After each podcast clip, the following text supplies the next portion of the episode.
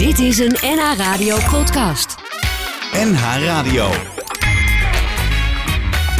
Waarheen, waarvoor? Koop Geersing. Verdriet is als een vingerafdruk, voor iedereen herkenbaar.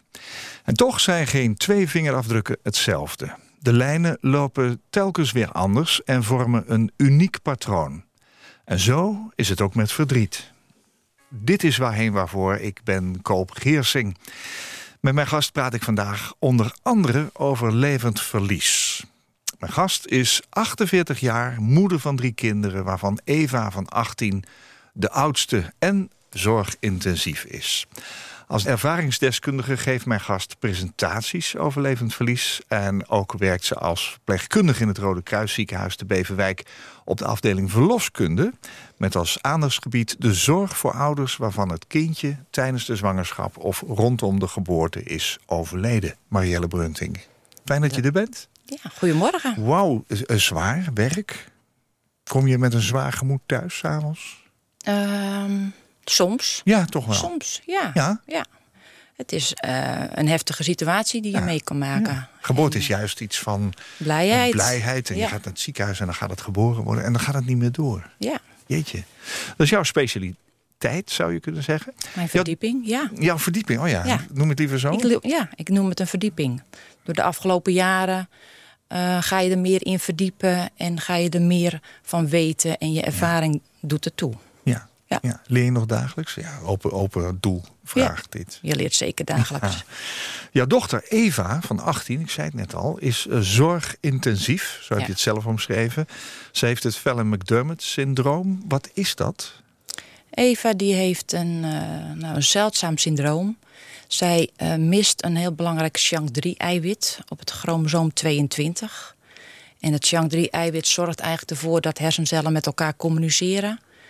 En eh, nou, Eva mist eh, een groot gedeelte. Ja. Dus zij functioneert op een heel laag niveau. En wat moet ik me daarbij voorstellen? Ze is 18 jaar. Ja, Eva is 18, maar het is eigenlijk onze peuter van 18.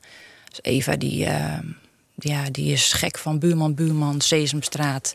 Oh ja. En ze speelt niet met iemand, maar naast iemand. Het is echt gewoon een peuter. ja. En, eh, Ondanks maar- haar leeftijd. Ondanks haar leeftijd, maar het is een ingewikkeld syndroom. Ja? Er komt een hoop bij kijken. eh, autisme, ontwikkelingsachterstand. Ehm, nou, zij heeft in de loop der jaren een bipolaire stoornis ontwikkeld. Dus een flinke stemmings, eh, stemmingsproblematiek. En Ze kan heel vrolijk zijn, maar ook de ja, andere kant, zeg ja, maar. ze heeft periodes gehad van waar ze bijvoorbeeld niet sliep. Veel agressie. Maar daarentegen had ze dan ook weer een periode dat ze ehm, nou, eigenlijk bijna wel heel depressief was. Eigenlijk heel stil. En dat het een, echt een dood vogeltje was. En dat ging dan nou, een aantal weken zo. En dan kwam het volgende weer. Dus de- ja, niet slapen, eh, moeilijk te begeleiden. Dus dat waren best wel hele enerverende tijden. Ja, ja. Woont ze nog bij jou? Nee, ze woont eh, sinds april 2017 niet meer bij ons thuis. Oh, dat kon niet meer. Nee, dat kon niet meer. Nou ja, het kon niet meer. Het kon al heel tijd niet meer. Maar je gaat echt als, eh, als gezin ga je over een grens heen. Want je wil natuurlijk niet zeggen dat het niet gaat. Nee, je hebt een man en nog twee kinderen, Ja, hè? Ja. ik heb een man Pieter en eh, ik heb nog, we hebben nog twee jongens. ja, hoe heette ze? Tijn van 16 en Cas van 13. Oh ja. Ja. En Eva is dus de oudste. ja. Ja, Heb je ooit, eh, toen de tweede op komst was, de angst gehad dat hij dat ook zou kunnen hebben? Want ik heb begrepen dat het erfelijk kan zijn. nou, juist het kan, maar dat is een heel klein gedeelte. Want zoals wij hebben uitgelegd gekregen, is dat het bij Eva zelf ontwikkeld is. Dat het daar zelf aangelegd is en dat wij niet eh, erfgenamen zijn. Oh ja. Oh, Dat weet je ook niet in de rest van de familie. Nee, maar dat hoeft Nee. voor de rest ook niet uitgezocht te worden, Nee. want het ligt ook niet bij de jongens. Nee. Nee. Hoe, hoe gaan die jongens met haar om? En zij met die jongens? Heel goed. Ja? Heel goed. Jullie zien elkaar regelmatig? Ja, we zien elkaar regelmatig, wekelijks. Ik ben er veel. En ehm, nou, de jongens die zijn eh, echt als grote broers voor hun zus. Heel zorgzaam. En eh, ja, we doen het eigenlijk ook met elkaar. Ze weten precies eh, nou ja, wat Eva nodig heeft. Ja. Ja. Mis je haar thuis? Enorm. Ja? Dagelijks. Ach, ja. gosh, ja. Het voelt eigenlijk natuurlijk heel onnatuurlijk, hè? Een, eh, een kind niet thuis. En het blijft eigenlijk, ze is dan 18. Hè? Andere 18-jarigen kunnen al misschien richting uit huis gaan, maar Mhm. ehm, op een goede manier. Maar even blijft ons kleine meisje in je hoofd. Ja. Dus dat blijft lastig. ja. Je peuter, zoals je zegt. Ja? Je ja. 18-jarige peuter. Ja. Ja. We gaan het erover hebben vandaag in Waarheen Waarvoor. Jouw man Pieter is zo lief geweest om jou even hier bij de studio af te zetten. Ja, lief, Die haalt hè? jou straks weer even op. Mijn gast in Waarheen Waarvoor is Marielle Bruntink. Een belangrijk deel van haar werk is ouders bijstaan bij de mooiste gebeurtenis in hun leven. De geboorte van hun kindje. Haar aandachtsgebied is de zeer intensieve zorg van ouders en hun stilgeboren kindje. Marielle werkt vanuit een brede en langdurige ervaring, maar vooral vanuit haar gevoel. Als moeder van Eva is haar toekomstbeeld anders dan verwacht. En vanuit deze persoonlijke ervaring, gecombineerd met haar professie, heeft ze zich gespecialiseerd in rouw en verlies. Waaronder de zorg voor ouders waarvan het kindje tijdens de zwangerschap of rondom de geboorte is overleden. Marielle, jouw dochter Eva woont sinds drie jaar dus ongeveer niet meer thuis. Ehm, hoe gaat het nu met haar? Nou, ze is redelijk stabiel. Ze is eh, blij, ze is alert. En ja, als het met haar goed gaat, dan gaat het met mij ook goed. Hè? Ja, Zo ja, werkt dat. Ja, Ehm, voor- vooral vorig jaar heeft ze echt een hele lastige periode gehad. En dat die, die bipolaire stoornis zo echt, nou ja, pieken en dalen. Dat het eh, extreem was. En wat, wat moet ik me daarbij voorstellen? Wat, wat, Nou, wat gebeurt er dan? van, periodes van, van, van eh, nou, agressie. Eh, gewoon overprikkeld zijn, dat ze het niet meer weet. Gewoon, ik zeg wel eens gekscherend, opgeschoten wild. Want dan loopt ze tegen de muur op, dan weet ze het gewoon niet meer. Oh ja? En dat is heel erg triest om te zien. En ook lastig te begeleiden. Ja. En eh, door intensief te begeleiden, goede medicatie, eh, advies van een professor die gespecialiseerd is in het eh, syndroom, zijn we eigenlijk nu best wel in een periode gekomen dat we het een beetje onder controle krijgen. Maar het zegt niks. Want het is ook- wel bekend bij dit syndroom hoe ouder ze wordt. En net aan welke kant ze een beetje zit. Even zit echt wel een beetje aan de slechte kant. Dat het ook zomaar weer eens een periode heel onstabiel kan gaan. Ja. ja. Zit ze in een omgeving waar meer ehm, eh, kinderen wonen met hetzelfde syndroom? Nee, Komt nee. het syndroom veel voor? Nee, heel, het is heel zeldzaam. Dezelfde, het is een zeldzame ziekte 10.000, eigenlijk. Ja. En ja, door nieuwe genetische onderzoeken... Hè, wij weten ook pas sinds haar vijftiende jaar dat ze dit syndroom heeft. Echt waar? Ja, ja. Laten we eens even naar. ehm, jij zit in het werk van eh, kindjes worden geboren, Ja. maar zeggen. Toen je zelf zwanger was van haar, was dat een, een normaal allemaal? Een, een goede, een mooie zwangerschap waarvan je dacht van joh, het wordt een prachtig kind? ja het, eh, het, het ging eigenlijk allemaal prima. Wel, ik kreeg zelf hartritmestoornissen. Dat had je nog nooit gehad. Nee, nee. Oh. En dat werd eh, waarschijnlijk ook wel getrikt, getriggerd door de zwangerschap. Dus ik heb in die zwangerschap wel heel veel medicatie gehad, eh, opnames. Echt, eh het hart vloog op hol. En dat moest weer nou, rustig gemaand worden door medicatie. Ja.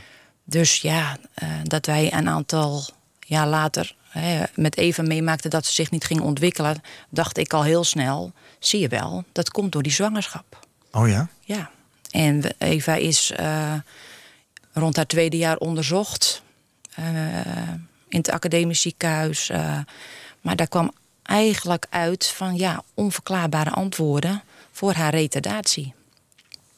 Dus dan denk je heel snel, nou, mijn moedergevoel weet het wel. Dit wat, is gewoon wist jij al? dit is, ja, dat, dat wist ik. Dat het niet goed was met haar. Maar ik dacht ook dat het door mijn eigen lijf kwam.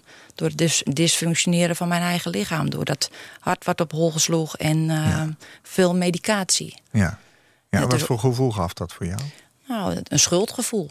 Echt waar? Ja, Daar kon je toch niks aan doen, zou je zeggen, aan de buitenkant? dat, zegt, dat zei Pieter ook altijd. Van daar kan je helemaal niks aan doen. Waar, Nee. Wat doe je jezelf aan? Maar Ja. toch doe je het jezelf aan. Ja. Dus ik heb echt 15 jaar gedacht dat, ik dat, dat dat door mijn eigen lijf kwam. Dat zij zo geworden is hoe zij nu is. Door, hè, door het stresshormoon. En, maar dat, zij, dat wij met 15 jaar eh, toch weer een genetisch onderzoek lieten doen. Op aanraden van de AVG-arts. En dat daar uitkwam dat zij een syndroom had, was ik bijna blij. Ja, dat ik was een antwoord op heel veel vragen Heel- die ja, misschien nog de puzzelstukjes vielen in één. Oh, ja. Ja. Ja.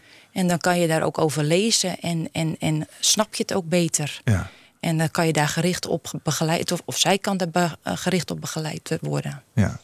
Je hebt eh, daarna nog eh, twee kinderen gekregen al. Ja. Hoe, liep dat eigenlijk toen Eva nou ja, drie, vier, vijf, zes jaar was? Want voordat ze vijftien is, is het toch al een hele ontwikkeling Ja. geweest. Ja. Hoe ging dat met school en zo? Eva die is eh, gestart op een peuterschool. En daar kwam al heel snel uit dat het ook daar niet goed ging. Dus ze kreeg al heel snel begeleiding op een peuterschool. En wat ging niet goed dan? Nou ja, ze, ze, ze- het ging allemaal een beetje aan haar voorbij. Emoties herkende ze niet. Ehm, ja, ze, ze bleef achter bij eh, leeftijdsgenoten. Oh ja, ja. Dus daar kwam al heel snel hulp. Dat wordt vergeleken natuurlijk. Ja, Ja. En die hulp eh, ging mee naar de kleuterschool. En dan het balletje gaat rollen. Dan wordt er een, eh, een rugzakje aangevraagd. En dan wordt er ehm, toch gekeken voor een andere passende school. Dus dan gaat ze van de reguliere school naar een, eh een ZMLK. Ja. Een school voor zeer moeilijk lerende kinderen. Ja. Maar daar ging ze op een gegeven moment ook... ja, liep ze ook vast. ja. Ging ook niet meer. Het is net of je steeds achter de feiten Ja, aanloopt of zo. ja, ja. Had Ik je dat noem- gevoel ook? Ja, ja. Elke keer zeiden wij, gaan we een trapje naar beneden. En dat, ja, dat, eh, dat doet zeer, want dat wil je niet. Wat deed dat met dat gezin van jou? Nou, wat het met je gezin doet, het is een, eh, elke keer een stukje verlies. Want als je een kindje krijgt, je hebt, onbewust heb je het al uitgestippeld. Wat je met zo'n meisje gaat doen. En Ja, met zo'n meisje... hè, wat Toekomstplannen, ja. Toekomstplannen, Ja. ja. Wat was, jouw, wat was jouw beeld daarvan? Nou ja, weet je, eh, als moeder eh, praat ik gewoon... Ja, ik heb een dochter, dat is mooi. Je Ja. ziet jezelf winkelen met een dochter. Oh ja. En eh, leuke dingen doen samen. Ja, en dat, dat werd natuurlijk... Dat, die, dat toekomstbeeld, dat werd natuurlijk wel een beetje anders. Ja. In de loop van de jaren wordt dat ook steeds Ja. meer anders, denk ik. Hè? Ja, Eva die ging... eh, ze heeft even op de zet om elkaar gezeten. En toen ging ze over naar een Mithielschool. Een school voor lichamelijk en verstandelijk gehandicapte kinderen. Ja. Heeft ze ook lichamelijk ehm, handicap, zullen we zeggen? Nee, ze kan lopen, maar ze heeft wel gewoon dat, het, dat ze wat strammer is. En, eh, ja, dus ze, maar ze kan wel lopen. Ja. Ja. Ja. En ze heeft op, zo'n, op die Mithielschool echt wel hele fijne jaren gehad. ja? Maar tot zij twaalf werd, toen stagneerde ze ook daar. Oké. Kun, kun je aan haar zien of ze gelukkig is bijvoorbeeld? En kan ze gelukkig zijn? Ja, ze kan heel gelukkig zijn. Ze kan heel leuk praten en ze wappert met die handjes echt. Wat hè, autisten ook, eh, autistische kinderen of Ja. mensen ook hebben. Ja. Dat ze zo kunnen wapperen. Ja, je en, doet het eh, even voor. Hè? Ja, ja. echt gewoon eh, of ze opstijgt. Ja. maar ze, is, ja, ze kan heel blij zijn. Maar ze kan ook intens verdrietig zijn met Hm. dikke tranen. ja. En als je dan eh, een heel laag niveau hebt... en je kan niet goed omschrijven wat je, wat je voelt... Of niet naar jezelf toe. Nee. Dus ik doe heel veel op mijn eigen gevoel. Van dat ik denk, nou, ze voelt zich volgens mij zo... en dat heeft ze nodig. En wat doe jij dan als ze zo verdrietig is? Nou, dat is, soms accepteert ze een arm of een knuffel... maar ook niet altijd. Nee? Nee, soms bereik je er ook niet goed. Nee. En dat was ook rond die twaalfde. Toen op, was ze zo eigenlijk overprikkeld. Eh, dat ze zichzelf ook ging slaan. Dat ze anderen ging slaan. En dat ze lastig te begeleiden was. Ja. Dus toen ging ze ook van die school. En toen ging ze naar een dagbesteding. Waar al het lerende eigenlijk wegviel. Ja. En dat was toen ook al wel weer prettig voor haar. Ja. Nou, en dan ga je weer door. En dat je denkt, hup, dit, nu is weer een goede plek. En ehm, Dagbesteding betekende ook dat ze s'avonds weer thuis was. ja, toen was ze gewoon nog thuis. Ja. In die tijd eh, hadden we ook al een hele poos een meeleefgezin. Waar ze af en toe in het weekend kwam. Wat is dat? dat is Meeleefgezin, eh, af en toe even... Een gezin die, nou, die wij ook kenden. Dat was even haar, haar eigen peuterjuf. Die heeft haar in die tijd een beetje onder haar hoede genomen. Van joh, zal ik er eens af en toe eh, bij ons in huis nemen. Oh ja. En dat is eigenlijk een beetje zo gegroeid. Ja. En, Dat gaf jou ook wat rust, denk dat ik. gaf lucht. Want heb je wel nodig, denk Ja, ik, of niet? ja. Stond, zij, stond zij in het gezin ook niet centraal? Want je hebt natuurlijk nog twee kinderen waar je aandacht aan moet Enorm besteden. centraal. En je man. Ja, en bij elkaar ook nog. Ja, Ja. het draait om, dat klopt. Ja. En ja, op een gegeven moment, zo 14 jaar, dan merk je gewoon van... waar gaat dit heen? Weet je, ehm, Het werd alleen maar erger. ja, het ging als zand door onze handen. Op een gegeven moment was het Pieter die haar eigenlijk alleen nog goed kon verzorgen. Ja. En eh, ja, leefden we als een gescheiden gezin in één huis. In het weekend ging eh, Pieter met de jongens op pad. Die waren natuurlijk ook nog heel klein. En ik was met Eva. Ja. Zo verdeelde je dat. Zo verdeelden het. maar ja. wel bewust. Ja, dat moest ook. Want zij kon dat helemaal niet handelen. Nee. Dus ja, dan ga je wel over een, eh, over een grens heen. Door En een je dal houdt- ook. Ja, en je, gaat, je houdt het ook allemaal een beetje binnenskamers. Want je wil er helemaal niet aan dat het eigenlijk niet meer gaat. Nee. nee, en op een gegeven moment gaat het niet meer. Daar Nee. gaan we het zo over hebben. Ja. Ehm, ja, waarheen waarvoor vraagt altijd aan haar of zijn gasten... neem eens drie liedjes mee die op je eigen uitvaart eh, gehoord zouden moeten worden. Was dat een rare vraag voor je? Ik vraag het iedere week aan een gast, maar... Of had je Nou, daar liedjes al klaarstaan? bij Nee hoor, ik had er nog niet echt over nagedacht, over mijn eigen uitvaart. Nee? nee? Eh, maar wel dat ik dacht van, ehm, ik weet al een paar mooie nummers. Ja. Nou, je hebt drie hele mooie meegenomen. Ja. Straks een heel persoonlijk nummer. Wat ehm, jij wel eens eh, inzet bij de herinneringsbijeenkomsten... die je mede organiseert. Hebben we het zo meteen over. Ja. Maar Ilse de Lange stond als eerste van de drie liedjes. Waarom? Nou, ik vind het een, eh, een mooi nummer over afscheid, over herinneringen. En ik, het, ja, het raakt me, dat nummer.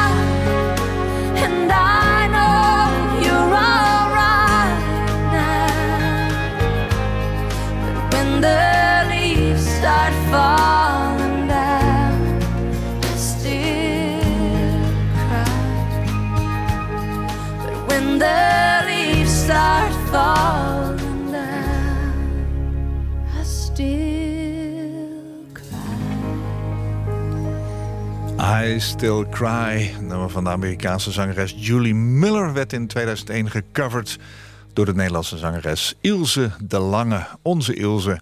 En haar vader overlijdt in 2012 aan de gevolgen van kanker... en tijdens een concert in het Gelredome in datzelfde jaar zingt zij I Still Cry... en laat daarbij haar emoties de vrije loop. Wat een mooi liedje, wat passend ook. Ja. Ja, Ja. I Still Cry, geldt het ook voor jou? Nog steeds? Je vertelde over je dochter Eva, 18, met dat zeldzame syndroom. Uh, ze is 14 en je 18. denkt, Ja. ze is 14 als je denkt samen met je man, Ja. waar moet dit naartoe? Ze is nu 18, dat klopt. En in 2017 was het moment gekomen dat, eh, ja, dat ze eigenlijk niet meer thuis kon blijven. Waarom niet? Nou, wat ik ook al zei, van het, het ging als zand onder, door onze handen. Ja. Ehm, we konden de, de zorg ook niet meer goed eh, waarborgen. Welke zorg had zij bijvoorbeeld nodig? Nou, eh, je kon daar ook geen moment alleen laten. En eh, als iemand zo, zoveel agressie laat zien, is dat heel moeilijk om dat te begeleiden. En dan klop je aan bij haar dagbesteding. Van dit gaat niet meer. En je, we hadden ondertussen ook wel ons, we hadden ons georiënteerd van waar moet zij misschien straks gaan wonen. Hoe Ja. moeilijk is dat? Om die beslissing uiteindelijk te moeten nemen? Nou, die impact, dat, dus dat is met geen pen te beschrijven. Nee, want op een gegeven moment ga je toch die kant op. En dan zegt men, hè, want mensen zeggen wel eens... ja, hoe kom je tot zo'n beslissing? Ja, je komt niet tot zo'n beslissing. Je gaat eh, op een gegeven moment zo ver... Dat, en dat mensen zeggen, we gaan het nu uit handen nemen. Oh ja? Ja, ja. Want je gaat altijd als ouders door, want je, dit wil je niet. En eh, Wie zei dat op een gegeven moment? het, de clustermanager van de dagbesteding die zei... Marielle, we gaan het nu gewoon van jullie overnemen. Want dit gaat niet meer. Nee, het gaat niet meer. En die woorden, ja, daar hik je aan tegenaan. En dat gebeurt dan. En wat deed dat met jullie? Eh, nou, die impact is enorm. Het voelt gewoon eh, heel onnatuurlijk. Eh, de nieuwe omstandigheden waren voor mij persoonlijk heel moeilijk. Het voelde als falen. Enorm schuldgevoel. Toch? Ja, En, en waar heb je dan in gefaald volgens jezelf? nou ja. eh, dat ze niet bij je kan blijven wonen. Ja. Dat voelt als falen. Ja. En eh, dat wil je niet. En, en enorm veel verdriet. Je- Ja, je, je, een, dat je een stukje van jezelf kwijt bent. Dat ze gewoon er niet meer is. En ze is er wel, maar ze is gewoon niet bij je. Je Nee. wil haar gewoon zelf verzorgen. Ja. Dat ik de zorg uit handen moest geven, dat vind ik het allerlastigst. En vind ik eigenlijk nog lastiger. Ja. Ja, natuurlijk. Je kunt je vast nog herinneren hoe die dag ging. Dat ze de deur uitging en dat je wist... ze blijft daar slapen Ja. vanaf nu. Ja. Nou ja, ik weet nog gewoon heel goed dat we in april 2017 meubeltjes voor haar aan het zoeken waren. Dat je denkt, waar zijn we nou toch in godsnaam mee bezig? Ja, moest een kamer inrichten. Een kamer inrichten. Ja, ja. En eh, dat we daar een week niet lang eh, niet moesten gaan zien. Dat we, omdat ze moest gaan wennen ja. aan de nieuwe leefomstandigheden. Mhm. Nou, ja. Maar je, je krijgt zelf ook nieuwe leefomstandigheden. Die waren in ieder geval een stuk stabieler. Je zou meer aandacht kunnen geven aan eh, de jongens in het gezin, Ja. zullen we maar zeggen. Die Ja. dat ook heel erg nodig hadden Ja. natuurlijk. Zeker. Voelde dat ook niet tegelijkertijd bevrijdend en, en rustig? het, het, het, het, geeft een, het geeft zeker een stukje lucht. Maar je moet ook bedenken, eh, we waren zo ehm, gericht op Eva... Ja. dat we helemaal weer moesten hergroeperen. Als Ik dacht, oh, hé hey, Pieter, jij bent er ook nog. Ja, zo, hè? Waar? Ja. Dus je moet weer hergroeperen en je moet gewoon weer wennen. En toen dacht ik, dit gaat niet goed. Ons gezin moet ondersteuning. En toen heb ik ehm, Heb je hulp gevraagd? hulp gevraagd aan een hele fijne psychologe, Eva Smit. En die heeft ons gezin er ook echt wel eh, bij geholpen. Wat heeft hij gedaan? Nou ja, hè, wat heel belangrijk is, dat je over de situatie praat. En Jullie dat- gingen met elkaar daar naartoe? nou, of ze kwam bij ons, maar ze kwam vooral bij ons. En ook apart, weet je, een man en een vrouw, eh, dat is sowieso bij rouw. Die, die, want zo voelde het, hè, het voelt als een rouwproces. Die eh, verwerken dingen weer heel anders. Jullie of ja, in het algemeen? Ik was echt gewoon, eh, ik was een periode thuis en ik moest er echt wel heel veel over hebben. om, om een beetje op adem te komen. Ja. En, en ja, Pieter die ging eigenlijk wel na een poosje weer aan het werk. En de kunst is om elkaar te respecteren in het verdriet. Ja, ging dat? Nou, dat was best lastig. Ja? En dan, ik ben wel heel oplossingsgericht. Dus ik dacht, wij moeten hier hulp bij hebben. Want wij moeten wel als een mooi team samen door. En dat is gelukt. En daar moet je best wel wat voor doen. Nou, Ja, ja. Hoe is dat nu bijvoorbeeld? goed. Heb je nog steeds contact? Ja, eh, ik samen met Eva Schmid hè, Ja. geef ik. Ook een eh, Eva. Is ook een Ja, Eva, het moet zo zijn. Ja. Geef ik presentaties over levend verlies. Want dat is de term waar wij het in dit programma ook al eens eerder over gehad hebben. Wat is levend verlies voor jou? Nou, levend verlies was voor mij een eye-opener dat ik dacht, ja, zie je, maar dit voel ik. Dit voel ik. Het chronische rouw. Ja. Eh, ehm, ik rouw niet om Eva, ik, want dat is onze ontzettende lieve dochter. Nou, ik, dat is mooi dat je dat nu zegt. Ik onderbreek je maar even. Ja. Wij, ik haalde je vanmorgen bij de poort vandaan, we maar zeggen. Want jij werd net afgezet door Ja. Pieter en zegt kom mee naar binnen. En binnen twee zinnen zei je dat je trots was op eh, Eva. ja, En dat straal je ook uit. ja, Dat is mooi dat je dat het zegt. is een prachtmeid. Maar ik rouw wel om de toekomst die we niet met haar gaan krijgen. Ja, en dat blijft, hè? Ja. Ja. Levensverlies heet dat. Ehm, de term die de levenslange rouw aanduidt, die Ja. je ervaart wanneer jij zelf of een naaste getroffen wordt door, kan ook een chronische ziekte zijn hè, Ja. of een beperking. Het gaat over verdriet dat altijd kan oplaaien, verwacht of onverwacht. En dat soms verergert ook door de jaren heen. Heb je altijd hulp nodig wat dat betreft? Nee, nee, dat heb je niet. Nee. Maar weet je, het vlamt af en toe op. Weet je, Eva werd 18 Ja. en dan denk je, nou, daar hoort een auto op pad te komen, of wat dan ook. Ja, hè? Niet, de hè? weg naar zelfstandigheid. Ja. Ja. Eh, Eva die, eh, is die dag super blij met haar uh, Berteneur-taart. Ja. En wij zijn natuurlijk ook super blij, maar Ja. dat flitst wel door me heen. Ja. En als dan een overbuurmeisje 18 wordt en er is vuurwerk en Ja. die stapt in de auto van haar moeder, ja, dan heb ik gewoon wel even een knoop in mijn maag. Ja. Maar daarna ben ik gewoon weer de, de blije Marielle op. Want ik ben voor de rest een blij persoon. Ja. Maar ik heb wel mijn verdriet, Ja, absoluut. En dat verdriet zet je nu in om ook weer andere mensen daarin Ja. eh, te helpen, voor te lichten. Ja. Waar gaan die presentaties over? Nou, dus hè, samen met Eva Smit-Knossen doe ik, eh, geef ik presentaties. En ik doe daar de, eh, mijn ervaringsverhaal. Vanaf de geboorte van Eva. En hoe het nu met haar gaat. En dat doe ik voor andere ouders. En die voelen heel veel herkenning. Dus er zijn, er is, ja, je, je kan napraten. Ehm, mensen denken, kijk, maar zo voelen wij het ook. Ja. En we geven ook aan professionals geven we presentaties. En dat is een stuk bewustwording van... hé, hey, zo voelen ouders zich dus. Ja. Want ik wil ook heel erg uitdragen... Om jong, als het om jonge kinderen gaat... van joh, je hebt altijd met die ouders te maken. Daar gaat het om. No one knows just what to say.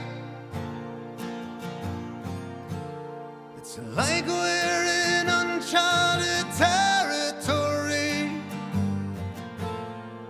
No one knows the proper way. It's like the ground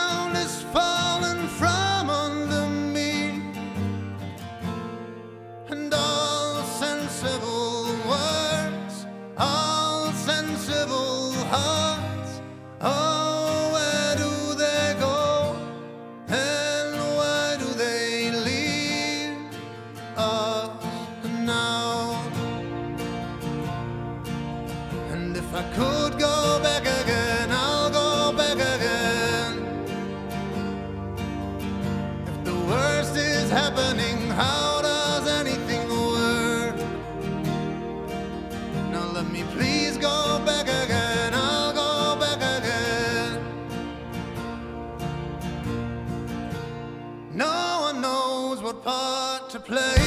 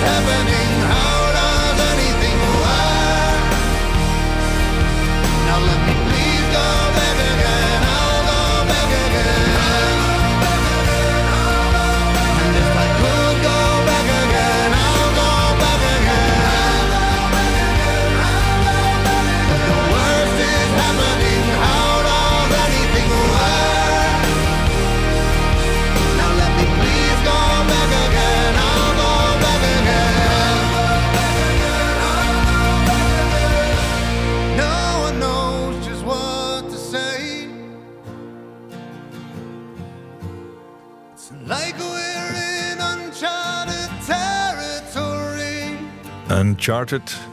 Groep Kensington over een vriend van gitarist Casper Starreveld... die zijn broertje op een noodlottige manier verloor, die verdronk. En waarom staat dit liedje in jouw... Nou, laten we het nu even de top drie noemen... eh, van de liedjes die je misschien ooit eens een keertje wil laten horen op je eigen uitvaart? Nou, ook wel een, een, een boodschap ehm, dat er niet echt een richtlijn is hoe je moet rouwen. En ja, dat je het op dat moment gaat meemaken hoe dat voelt en Ja. hoe dat is. Ja, Dat vind ik een beetje de boodschap uit het liedje. ja, ja. Mooi nummer. Ja. Mooi nummer. Zometeen gaan we iets heel bijzonders draaien. Een liedje wat je niet zomaar op Spotify kunt vinden, maar Nee. na vandaag eh, wel. Ehm, daar komen we zo meteen op. Marielle Bruntink, ze is een uur lang te gast hier in Waarheen Waarvoor. Moeder van drie kinderen.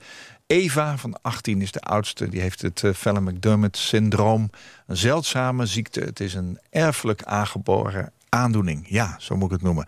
Um, Marielle, je vertelde, je geeft presentaties hè, en je vertelt daarover het hele verhaal Ja. van de geboorte tot met het moment waarop eh, Eva nu 18 inmiddels is en zo blij was met haar eh, Bert en Ernie taart. En ontzettend lief. Maar ook wel over het, ja, het moeilijke wat je voortdurend eigenlijk in je leven blijft tegenkomen. Leeftijdsgenootjes die wel ontwikkeld zijn en weer verder gaan. En, en bij haar is dat een andere weg gebleken. Ja. En je noemt het ook eh, terecht levend verlies. Hè? Dat is ook een term die eh, bekend is en die wij kennen. Maar daar heb jij wel mee te maken. Ehm, ja, jij bent natuurlijk altijd bij het begin van dat leven... en ook bij het einde van dat leven op dat moment. Want jij werkt eh, als verpleegkundige op de afdeling verloskunde gynaecologie... het RKZ ehm, in Beverwijk. Waarom ben je destijds dat werk gaan doen? Ehm, nou, op verloskunde werken, je bent het bij het mooiste moment hè, bij mensen. Ja, Eh, de geboorte van een kind. Eh, de begeleiding van een baring is Mhm. echt intens. En ja, ik vind het prachtig. Je, bent, je werkdag is nooit hetzelfde. Verloskunde is echt zo, eh, ja, complex. ja. Nou ben ik uitvaartverzorger, zit aan de andere kant, zullen we zeggen, Ja. van de lijn. Heb jij het ook soms heel druk en soms heel rustig? Ja, ja. Gek is heel dat, enerverend. Ja. Ja. Ja. hoor. Hoe kan het dat het in één keer heel rustig is en hoe kan het dat het in één keer heel druk is? Vraag ik me ook wel eens af. Nou, even tussendoor. Jouw aandachtsgebied is de zeer intensieve zorg van ouders en hun stilgeboren kindje. Ja. Kindje wat eh, geen leven heeft. Ehm, waarom is dat jouw aandachtsgebied geworden? Nou, ik heb gemerkt dat eh, ook door, de, door mijn privésituatie, maar ook door de afgelopen jaren, je de, dat je deze situaties meemaakt, dat ik daar mij al meer in ging verdiepen. Ja. Je bent eh, bij een enorm groot verdriet aanwezig en je kan heel veel voor ouders betekenen. En dat wil ik ook graag en dat is ook heel mooi. Maar het is, het is eh, zo verdrietig om mee te maken. Ja. En als professional doet me dat zelf dus ook heel veel. En wil ik daardoor ook, je wilt mensen ook daardoor in, ondersteunen. Ja, is er in jouw werk, jouw professie, ruimte om mensen daarin te ondersteunen? Ja, zeker. Ja. Ja. En wat ik ook net zeg, als je het je ook zelf als professional niks doet, dan denk ik ook dat je het niet moet doen. Want juist hoort dat er ook wel bij, dat je daar zelf heel Ja. veel gevoel bij Ja, hebt. dat vak is ook een roeping natuurlijk. Ja. Ja. Wat leer je van ouders die dit meemaken, wat je zo zelf in je eigen omgeving steeds ziet gebeuren in je werk? Is al dat verdriet hetzelfde? Nou, weet je, de ene ouder of de andere ouder eh, doet het op zijn manier. En dat is ook mooi, hè? dat je goed aanvoelt van wat hebben mensen nodig. Ja. De- eh, als je kind stilgeboren wordt, dan komt er heel wat op je af. Ehm, zo heb je nog een hele blije zwangerschap en zo hoor je een hele negatieve uitspraak dat je kindje niet meer leeft. Ja. En dan staat je wereld op zijn kop. Ja. En dan is het heel mooi dat je als professionals deze ouders bijstaat. Want er moet in korte tijd moet er heel wat geregeld worden. Wat moet er geregeld worden? Je moet gaan nadenken over, eh, over de bevalling. eh, hoe je daarna wil. Een uitvaart verzorgen. Je hebt daar allemaal nooit bij nagedacht. Je bent bezig om een kind te verwelkomen. Je hebt alles geregeld voor dat stuk. En dan opeens moet het een hele andere kant op. Dus je bent mensen praktisch aan het ondersteunen. Maar natuurlijk ook heel erg emotioneel, juist. En eh, voor ons als verpleegkundige, verloskundige, gynaecoloog... ga je mensen door een bevalling heen helpen. En wij als eh, professionals starten eigenlijk de eerste herinnering. We maken veel foto's, we zorgen dat er herinnering gemaakt wordt. We maken ehm, een herinneringsdoosje met een voetafdrukje, met, ehm, met een kralenarmbandje. Knutselen wat af. We, we- er is een collega die, maakt mooi, die haakt mooie vlindertjes. Dus dat doe je allemaal in zo'n herinneringsdoosje. Je probeert zoveel mogelijk een altaartje te maken voor de mensen. Ja. Hoe wordt daarop gereageerd? Nou, daar zijn mensen heel blij mee. Ja? Ja, daar zijn mensen heel blij ja. mee. Bezoek je ze nog wel eens na afloop? Nou, wij proberen echt gewoon, en dat ben ik ook heel trots op op onze afdeling. Wij doen heel, best heel veel aan nazorg, wat in ons vermogen ligt. Ja. We bellen de mensen na. We zien de mensen vaak eh, weer terug als ze op de poli moeten komen bij de dokter. Ja. Eén keer eh, of twee keer in het jaar organiseer ik met een werkgroep een herinneringsbijeenkomst. Oh ja? Ja, en daar kom je puur voor jezelf, voor je eigen kindje. ehm, je, we noemen je naam, zo heet de herinneringsbijeenkomst. We noemen je naam. Want dat is zo belangrijk, Ja, hè? Dat je, het kindje is in jullie leven gekomen. En dat moet al, die naam moet altijd genoemd worden. Ja, Dus er worden eh, mooie liederen gezongen, er worden kaarsen ontstoken. En ja, echt, je staat, bent echt bewust zo'n ochtend. Je bent er altijd mee bezig, Ja. maar dan is het echt. Komen de ouders ook in grote getalen?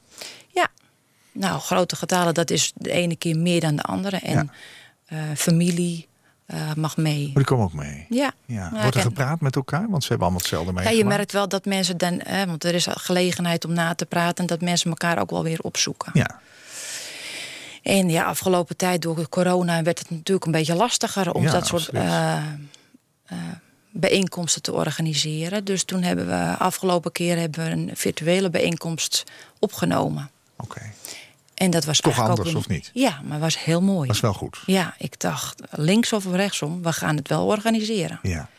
Ja. En de mensen hebben allemaal eh, een mooie kaart gestuurd en met een mooie tekst en de link meegestuurd. Heel mooi. Ja. Goed gedaan. Ehm, Sarah Bleker is iemand die daar wel eens speelt. Op Ja. zo'n herinneringsbijeenkomst. Vertel eens. Sarah is eh, de dochter van mijn collega en heel muzikaal, speelt heel mooi viool, maar ze kan ook hartstikke mooi zingen. Ja, en piano spelen. Piano spelen kan ze ook. Ja. ja. Ehm, dus zij heeft ook de laatste keer prachtig gezongen. ja. En eh, nou, ik, dat is iemand die gewoon vanmorgen op de radio moet galmen, vind ik echt. Dat gaat gebeuren. Spend all your time waiting for that second chance, for a break that will make it okay. There's always some reason to feel not good enough, and it's hard at the end of the day I need some distraction or a beautiful release. Memories seep from my veins. Let me be empty and weightless, and maybe I'll find some peace tonight. In the arms of an angel, fly away from here, from this dark cold that you fear. You are pulled from the wreckage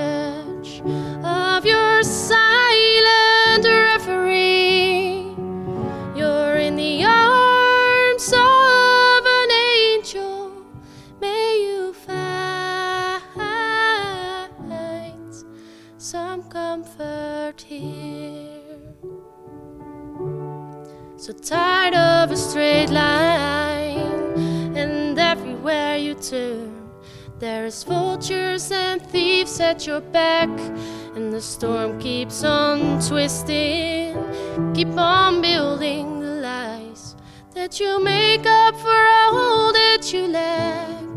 It don't make no difference. Oh, escaping one last time. It's easier to believe in this sweet madness. Oh, this glorious sadness that brings me to my knees. You're in the arms of an angel.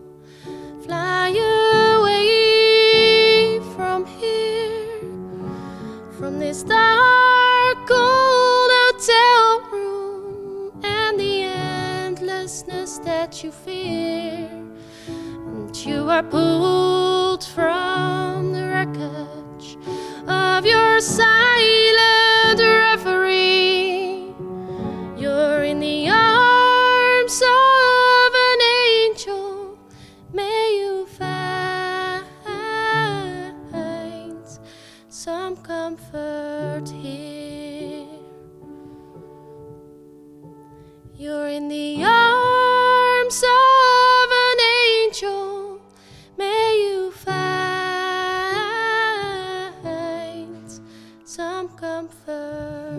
Sarah Bleker zong In the Arms of an Angel. Angel heet het eigenlijk, het origineel. Een liedje van de Canadese singer-songwriter Sarah McLachlan. Ook een Sarah. Ja. Dit was uit die laatste herinneringsbijeenkomst... die jullie online gedaan hebben. Ja.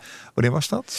Dus we hebben eh, de mensen de link toegestuurd met Wereldlichtjesdag, de tweede zondag van december. Oh ja, ja, ja, ja. ja. Fijn, goed gedaan.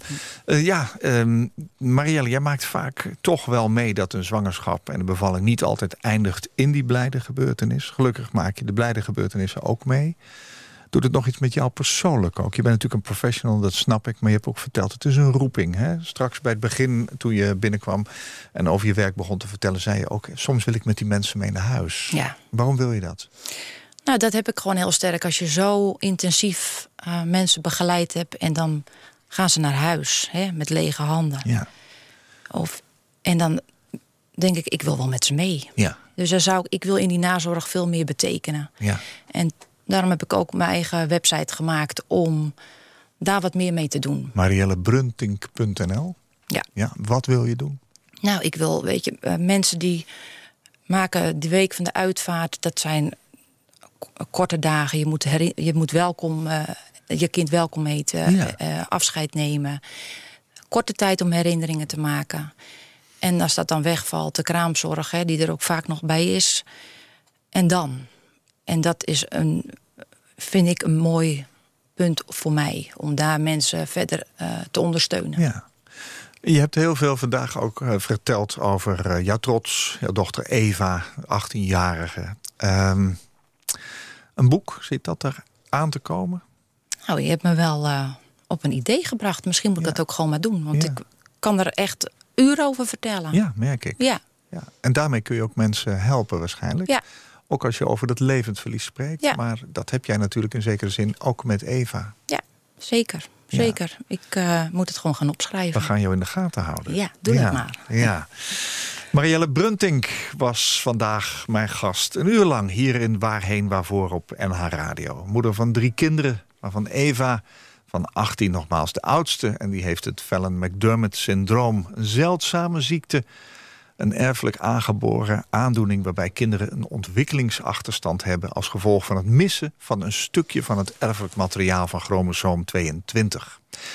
Als ervaringsdeskundige geeft Marielle presentaties over levend verlies. En als verpleegkundige op de afdeling verloskunde heeft ze als aandachtsgebied de zorg voor ouders waarvan het kindje tijdens de zwangerschap of rondom de geboorte is overleden. Mariellebrunting.nl. Lees dat maar eens een keertje door. Marielle, hartstikke fijn dat je hier was. Pieter moet jou maar weer ophalen zometeen. Ja, Dank dat je over jouw lieve Eva wilde praten. En over je andere twee kinderen. Ja. Eh, en ook over dat levensverlies. Want dat is er altijd, hè? dat is er altijd. Ja, En blijft je altijd achtervolgen. ja. Dank dat je eigen ervaringen inzet voor anderen.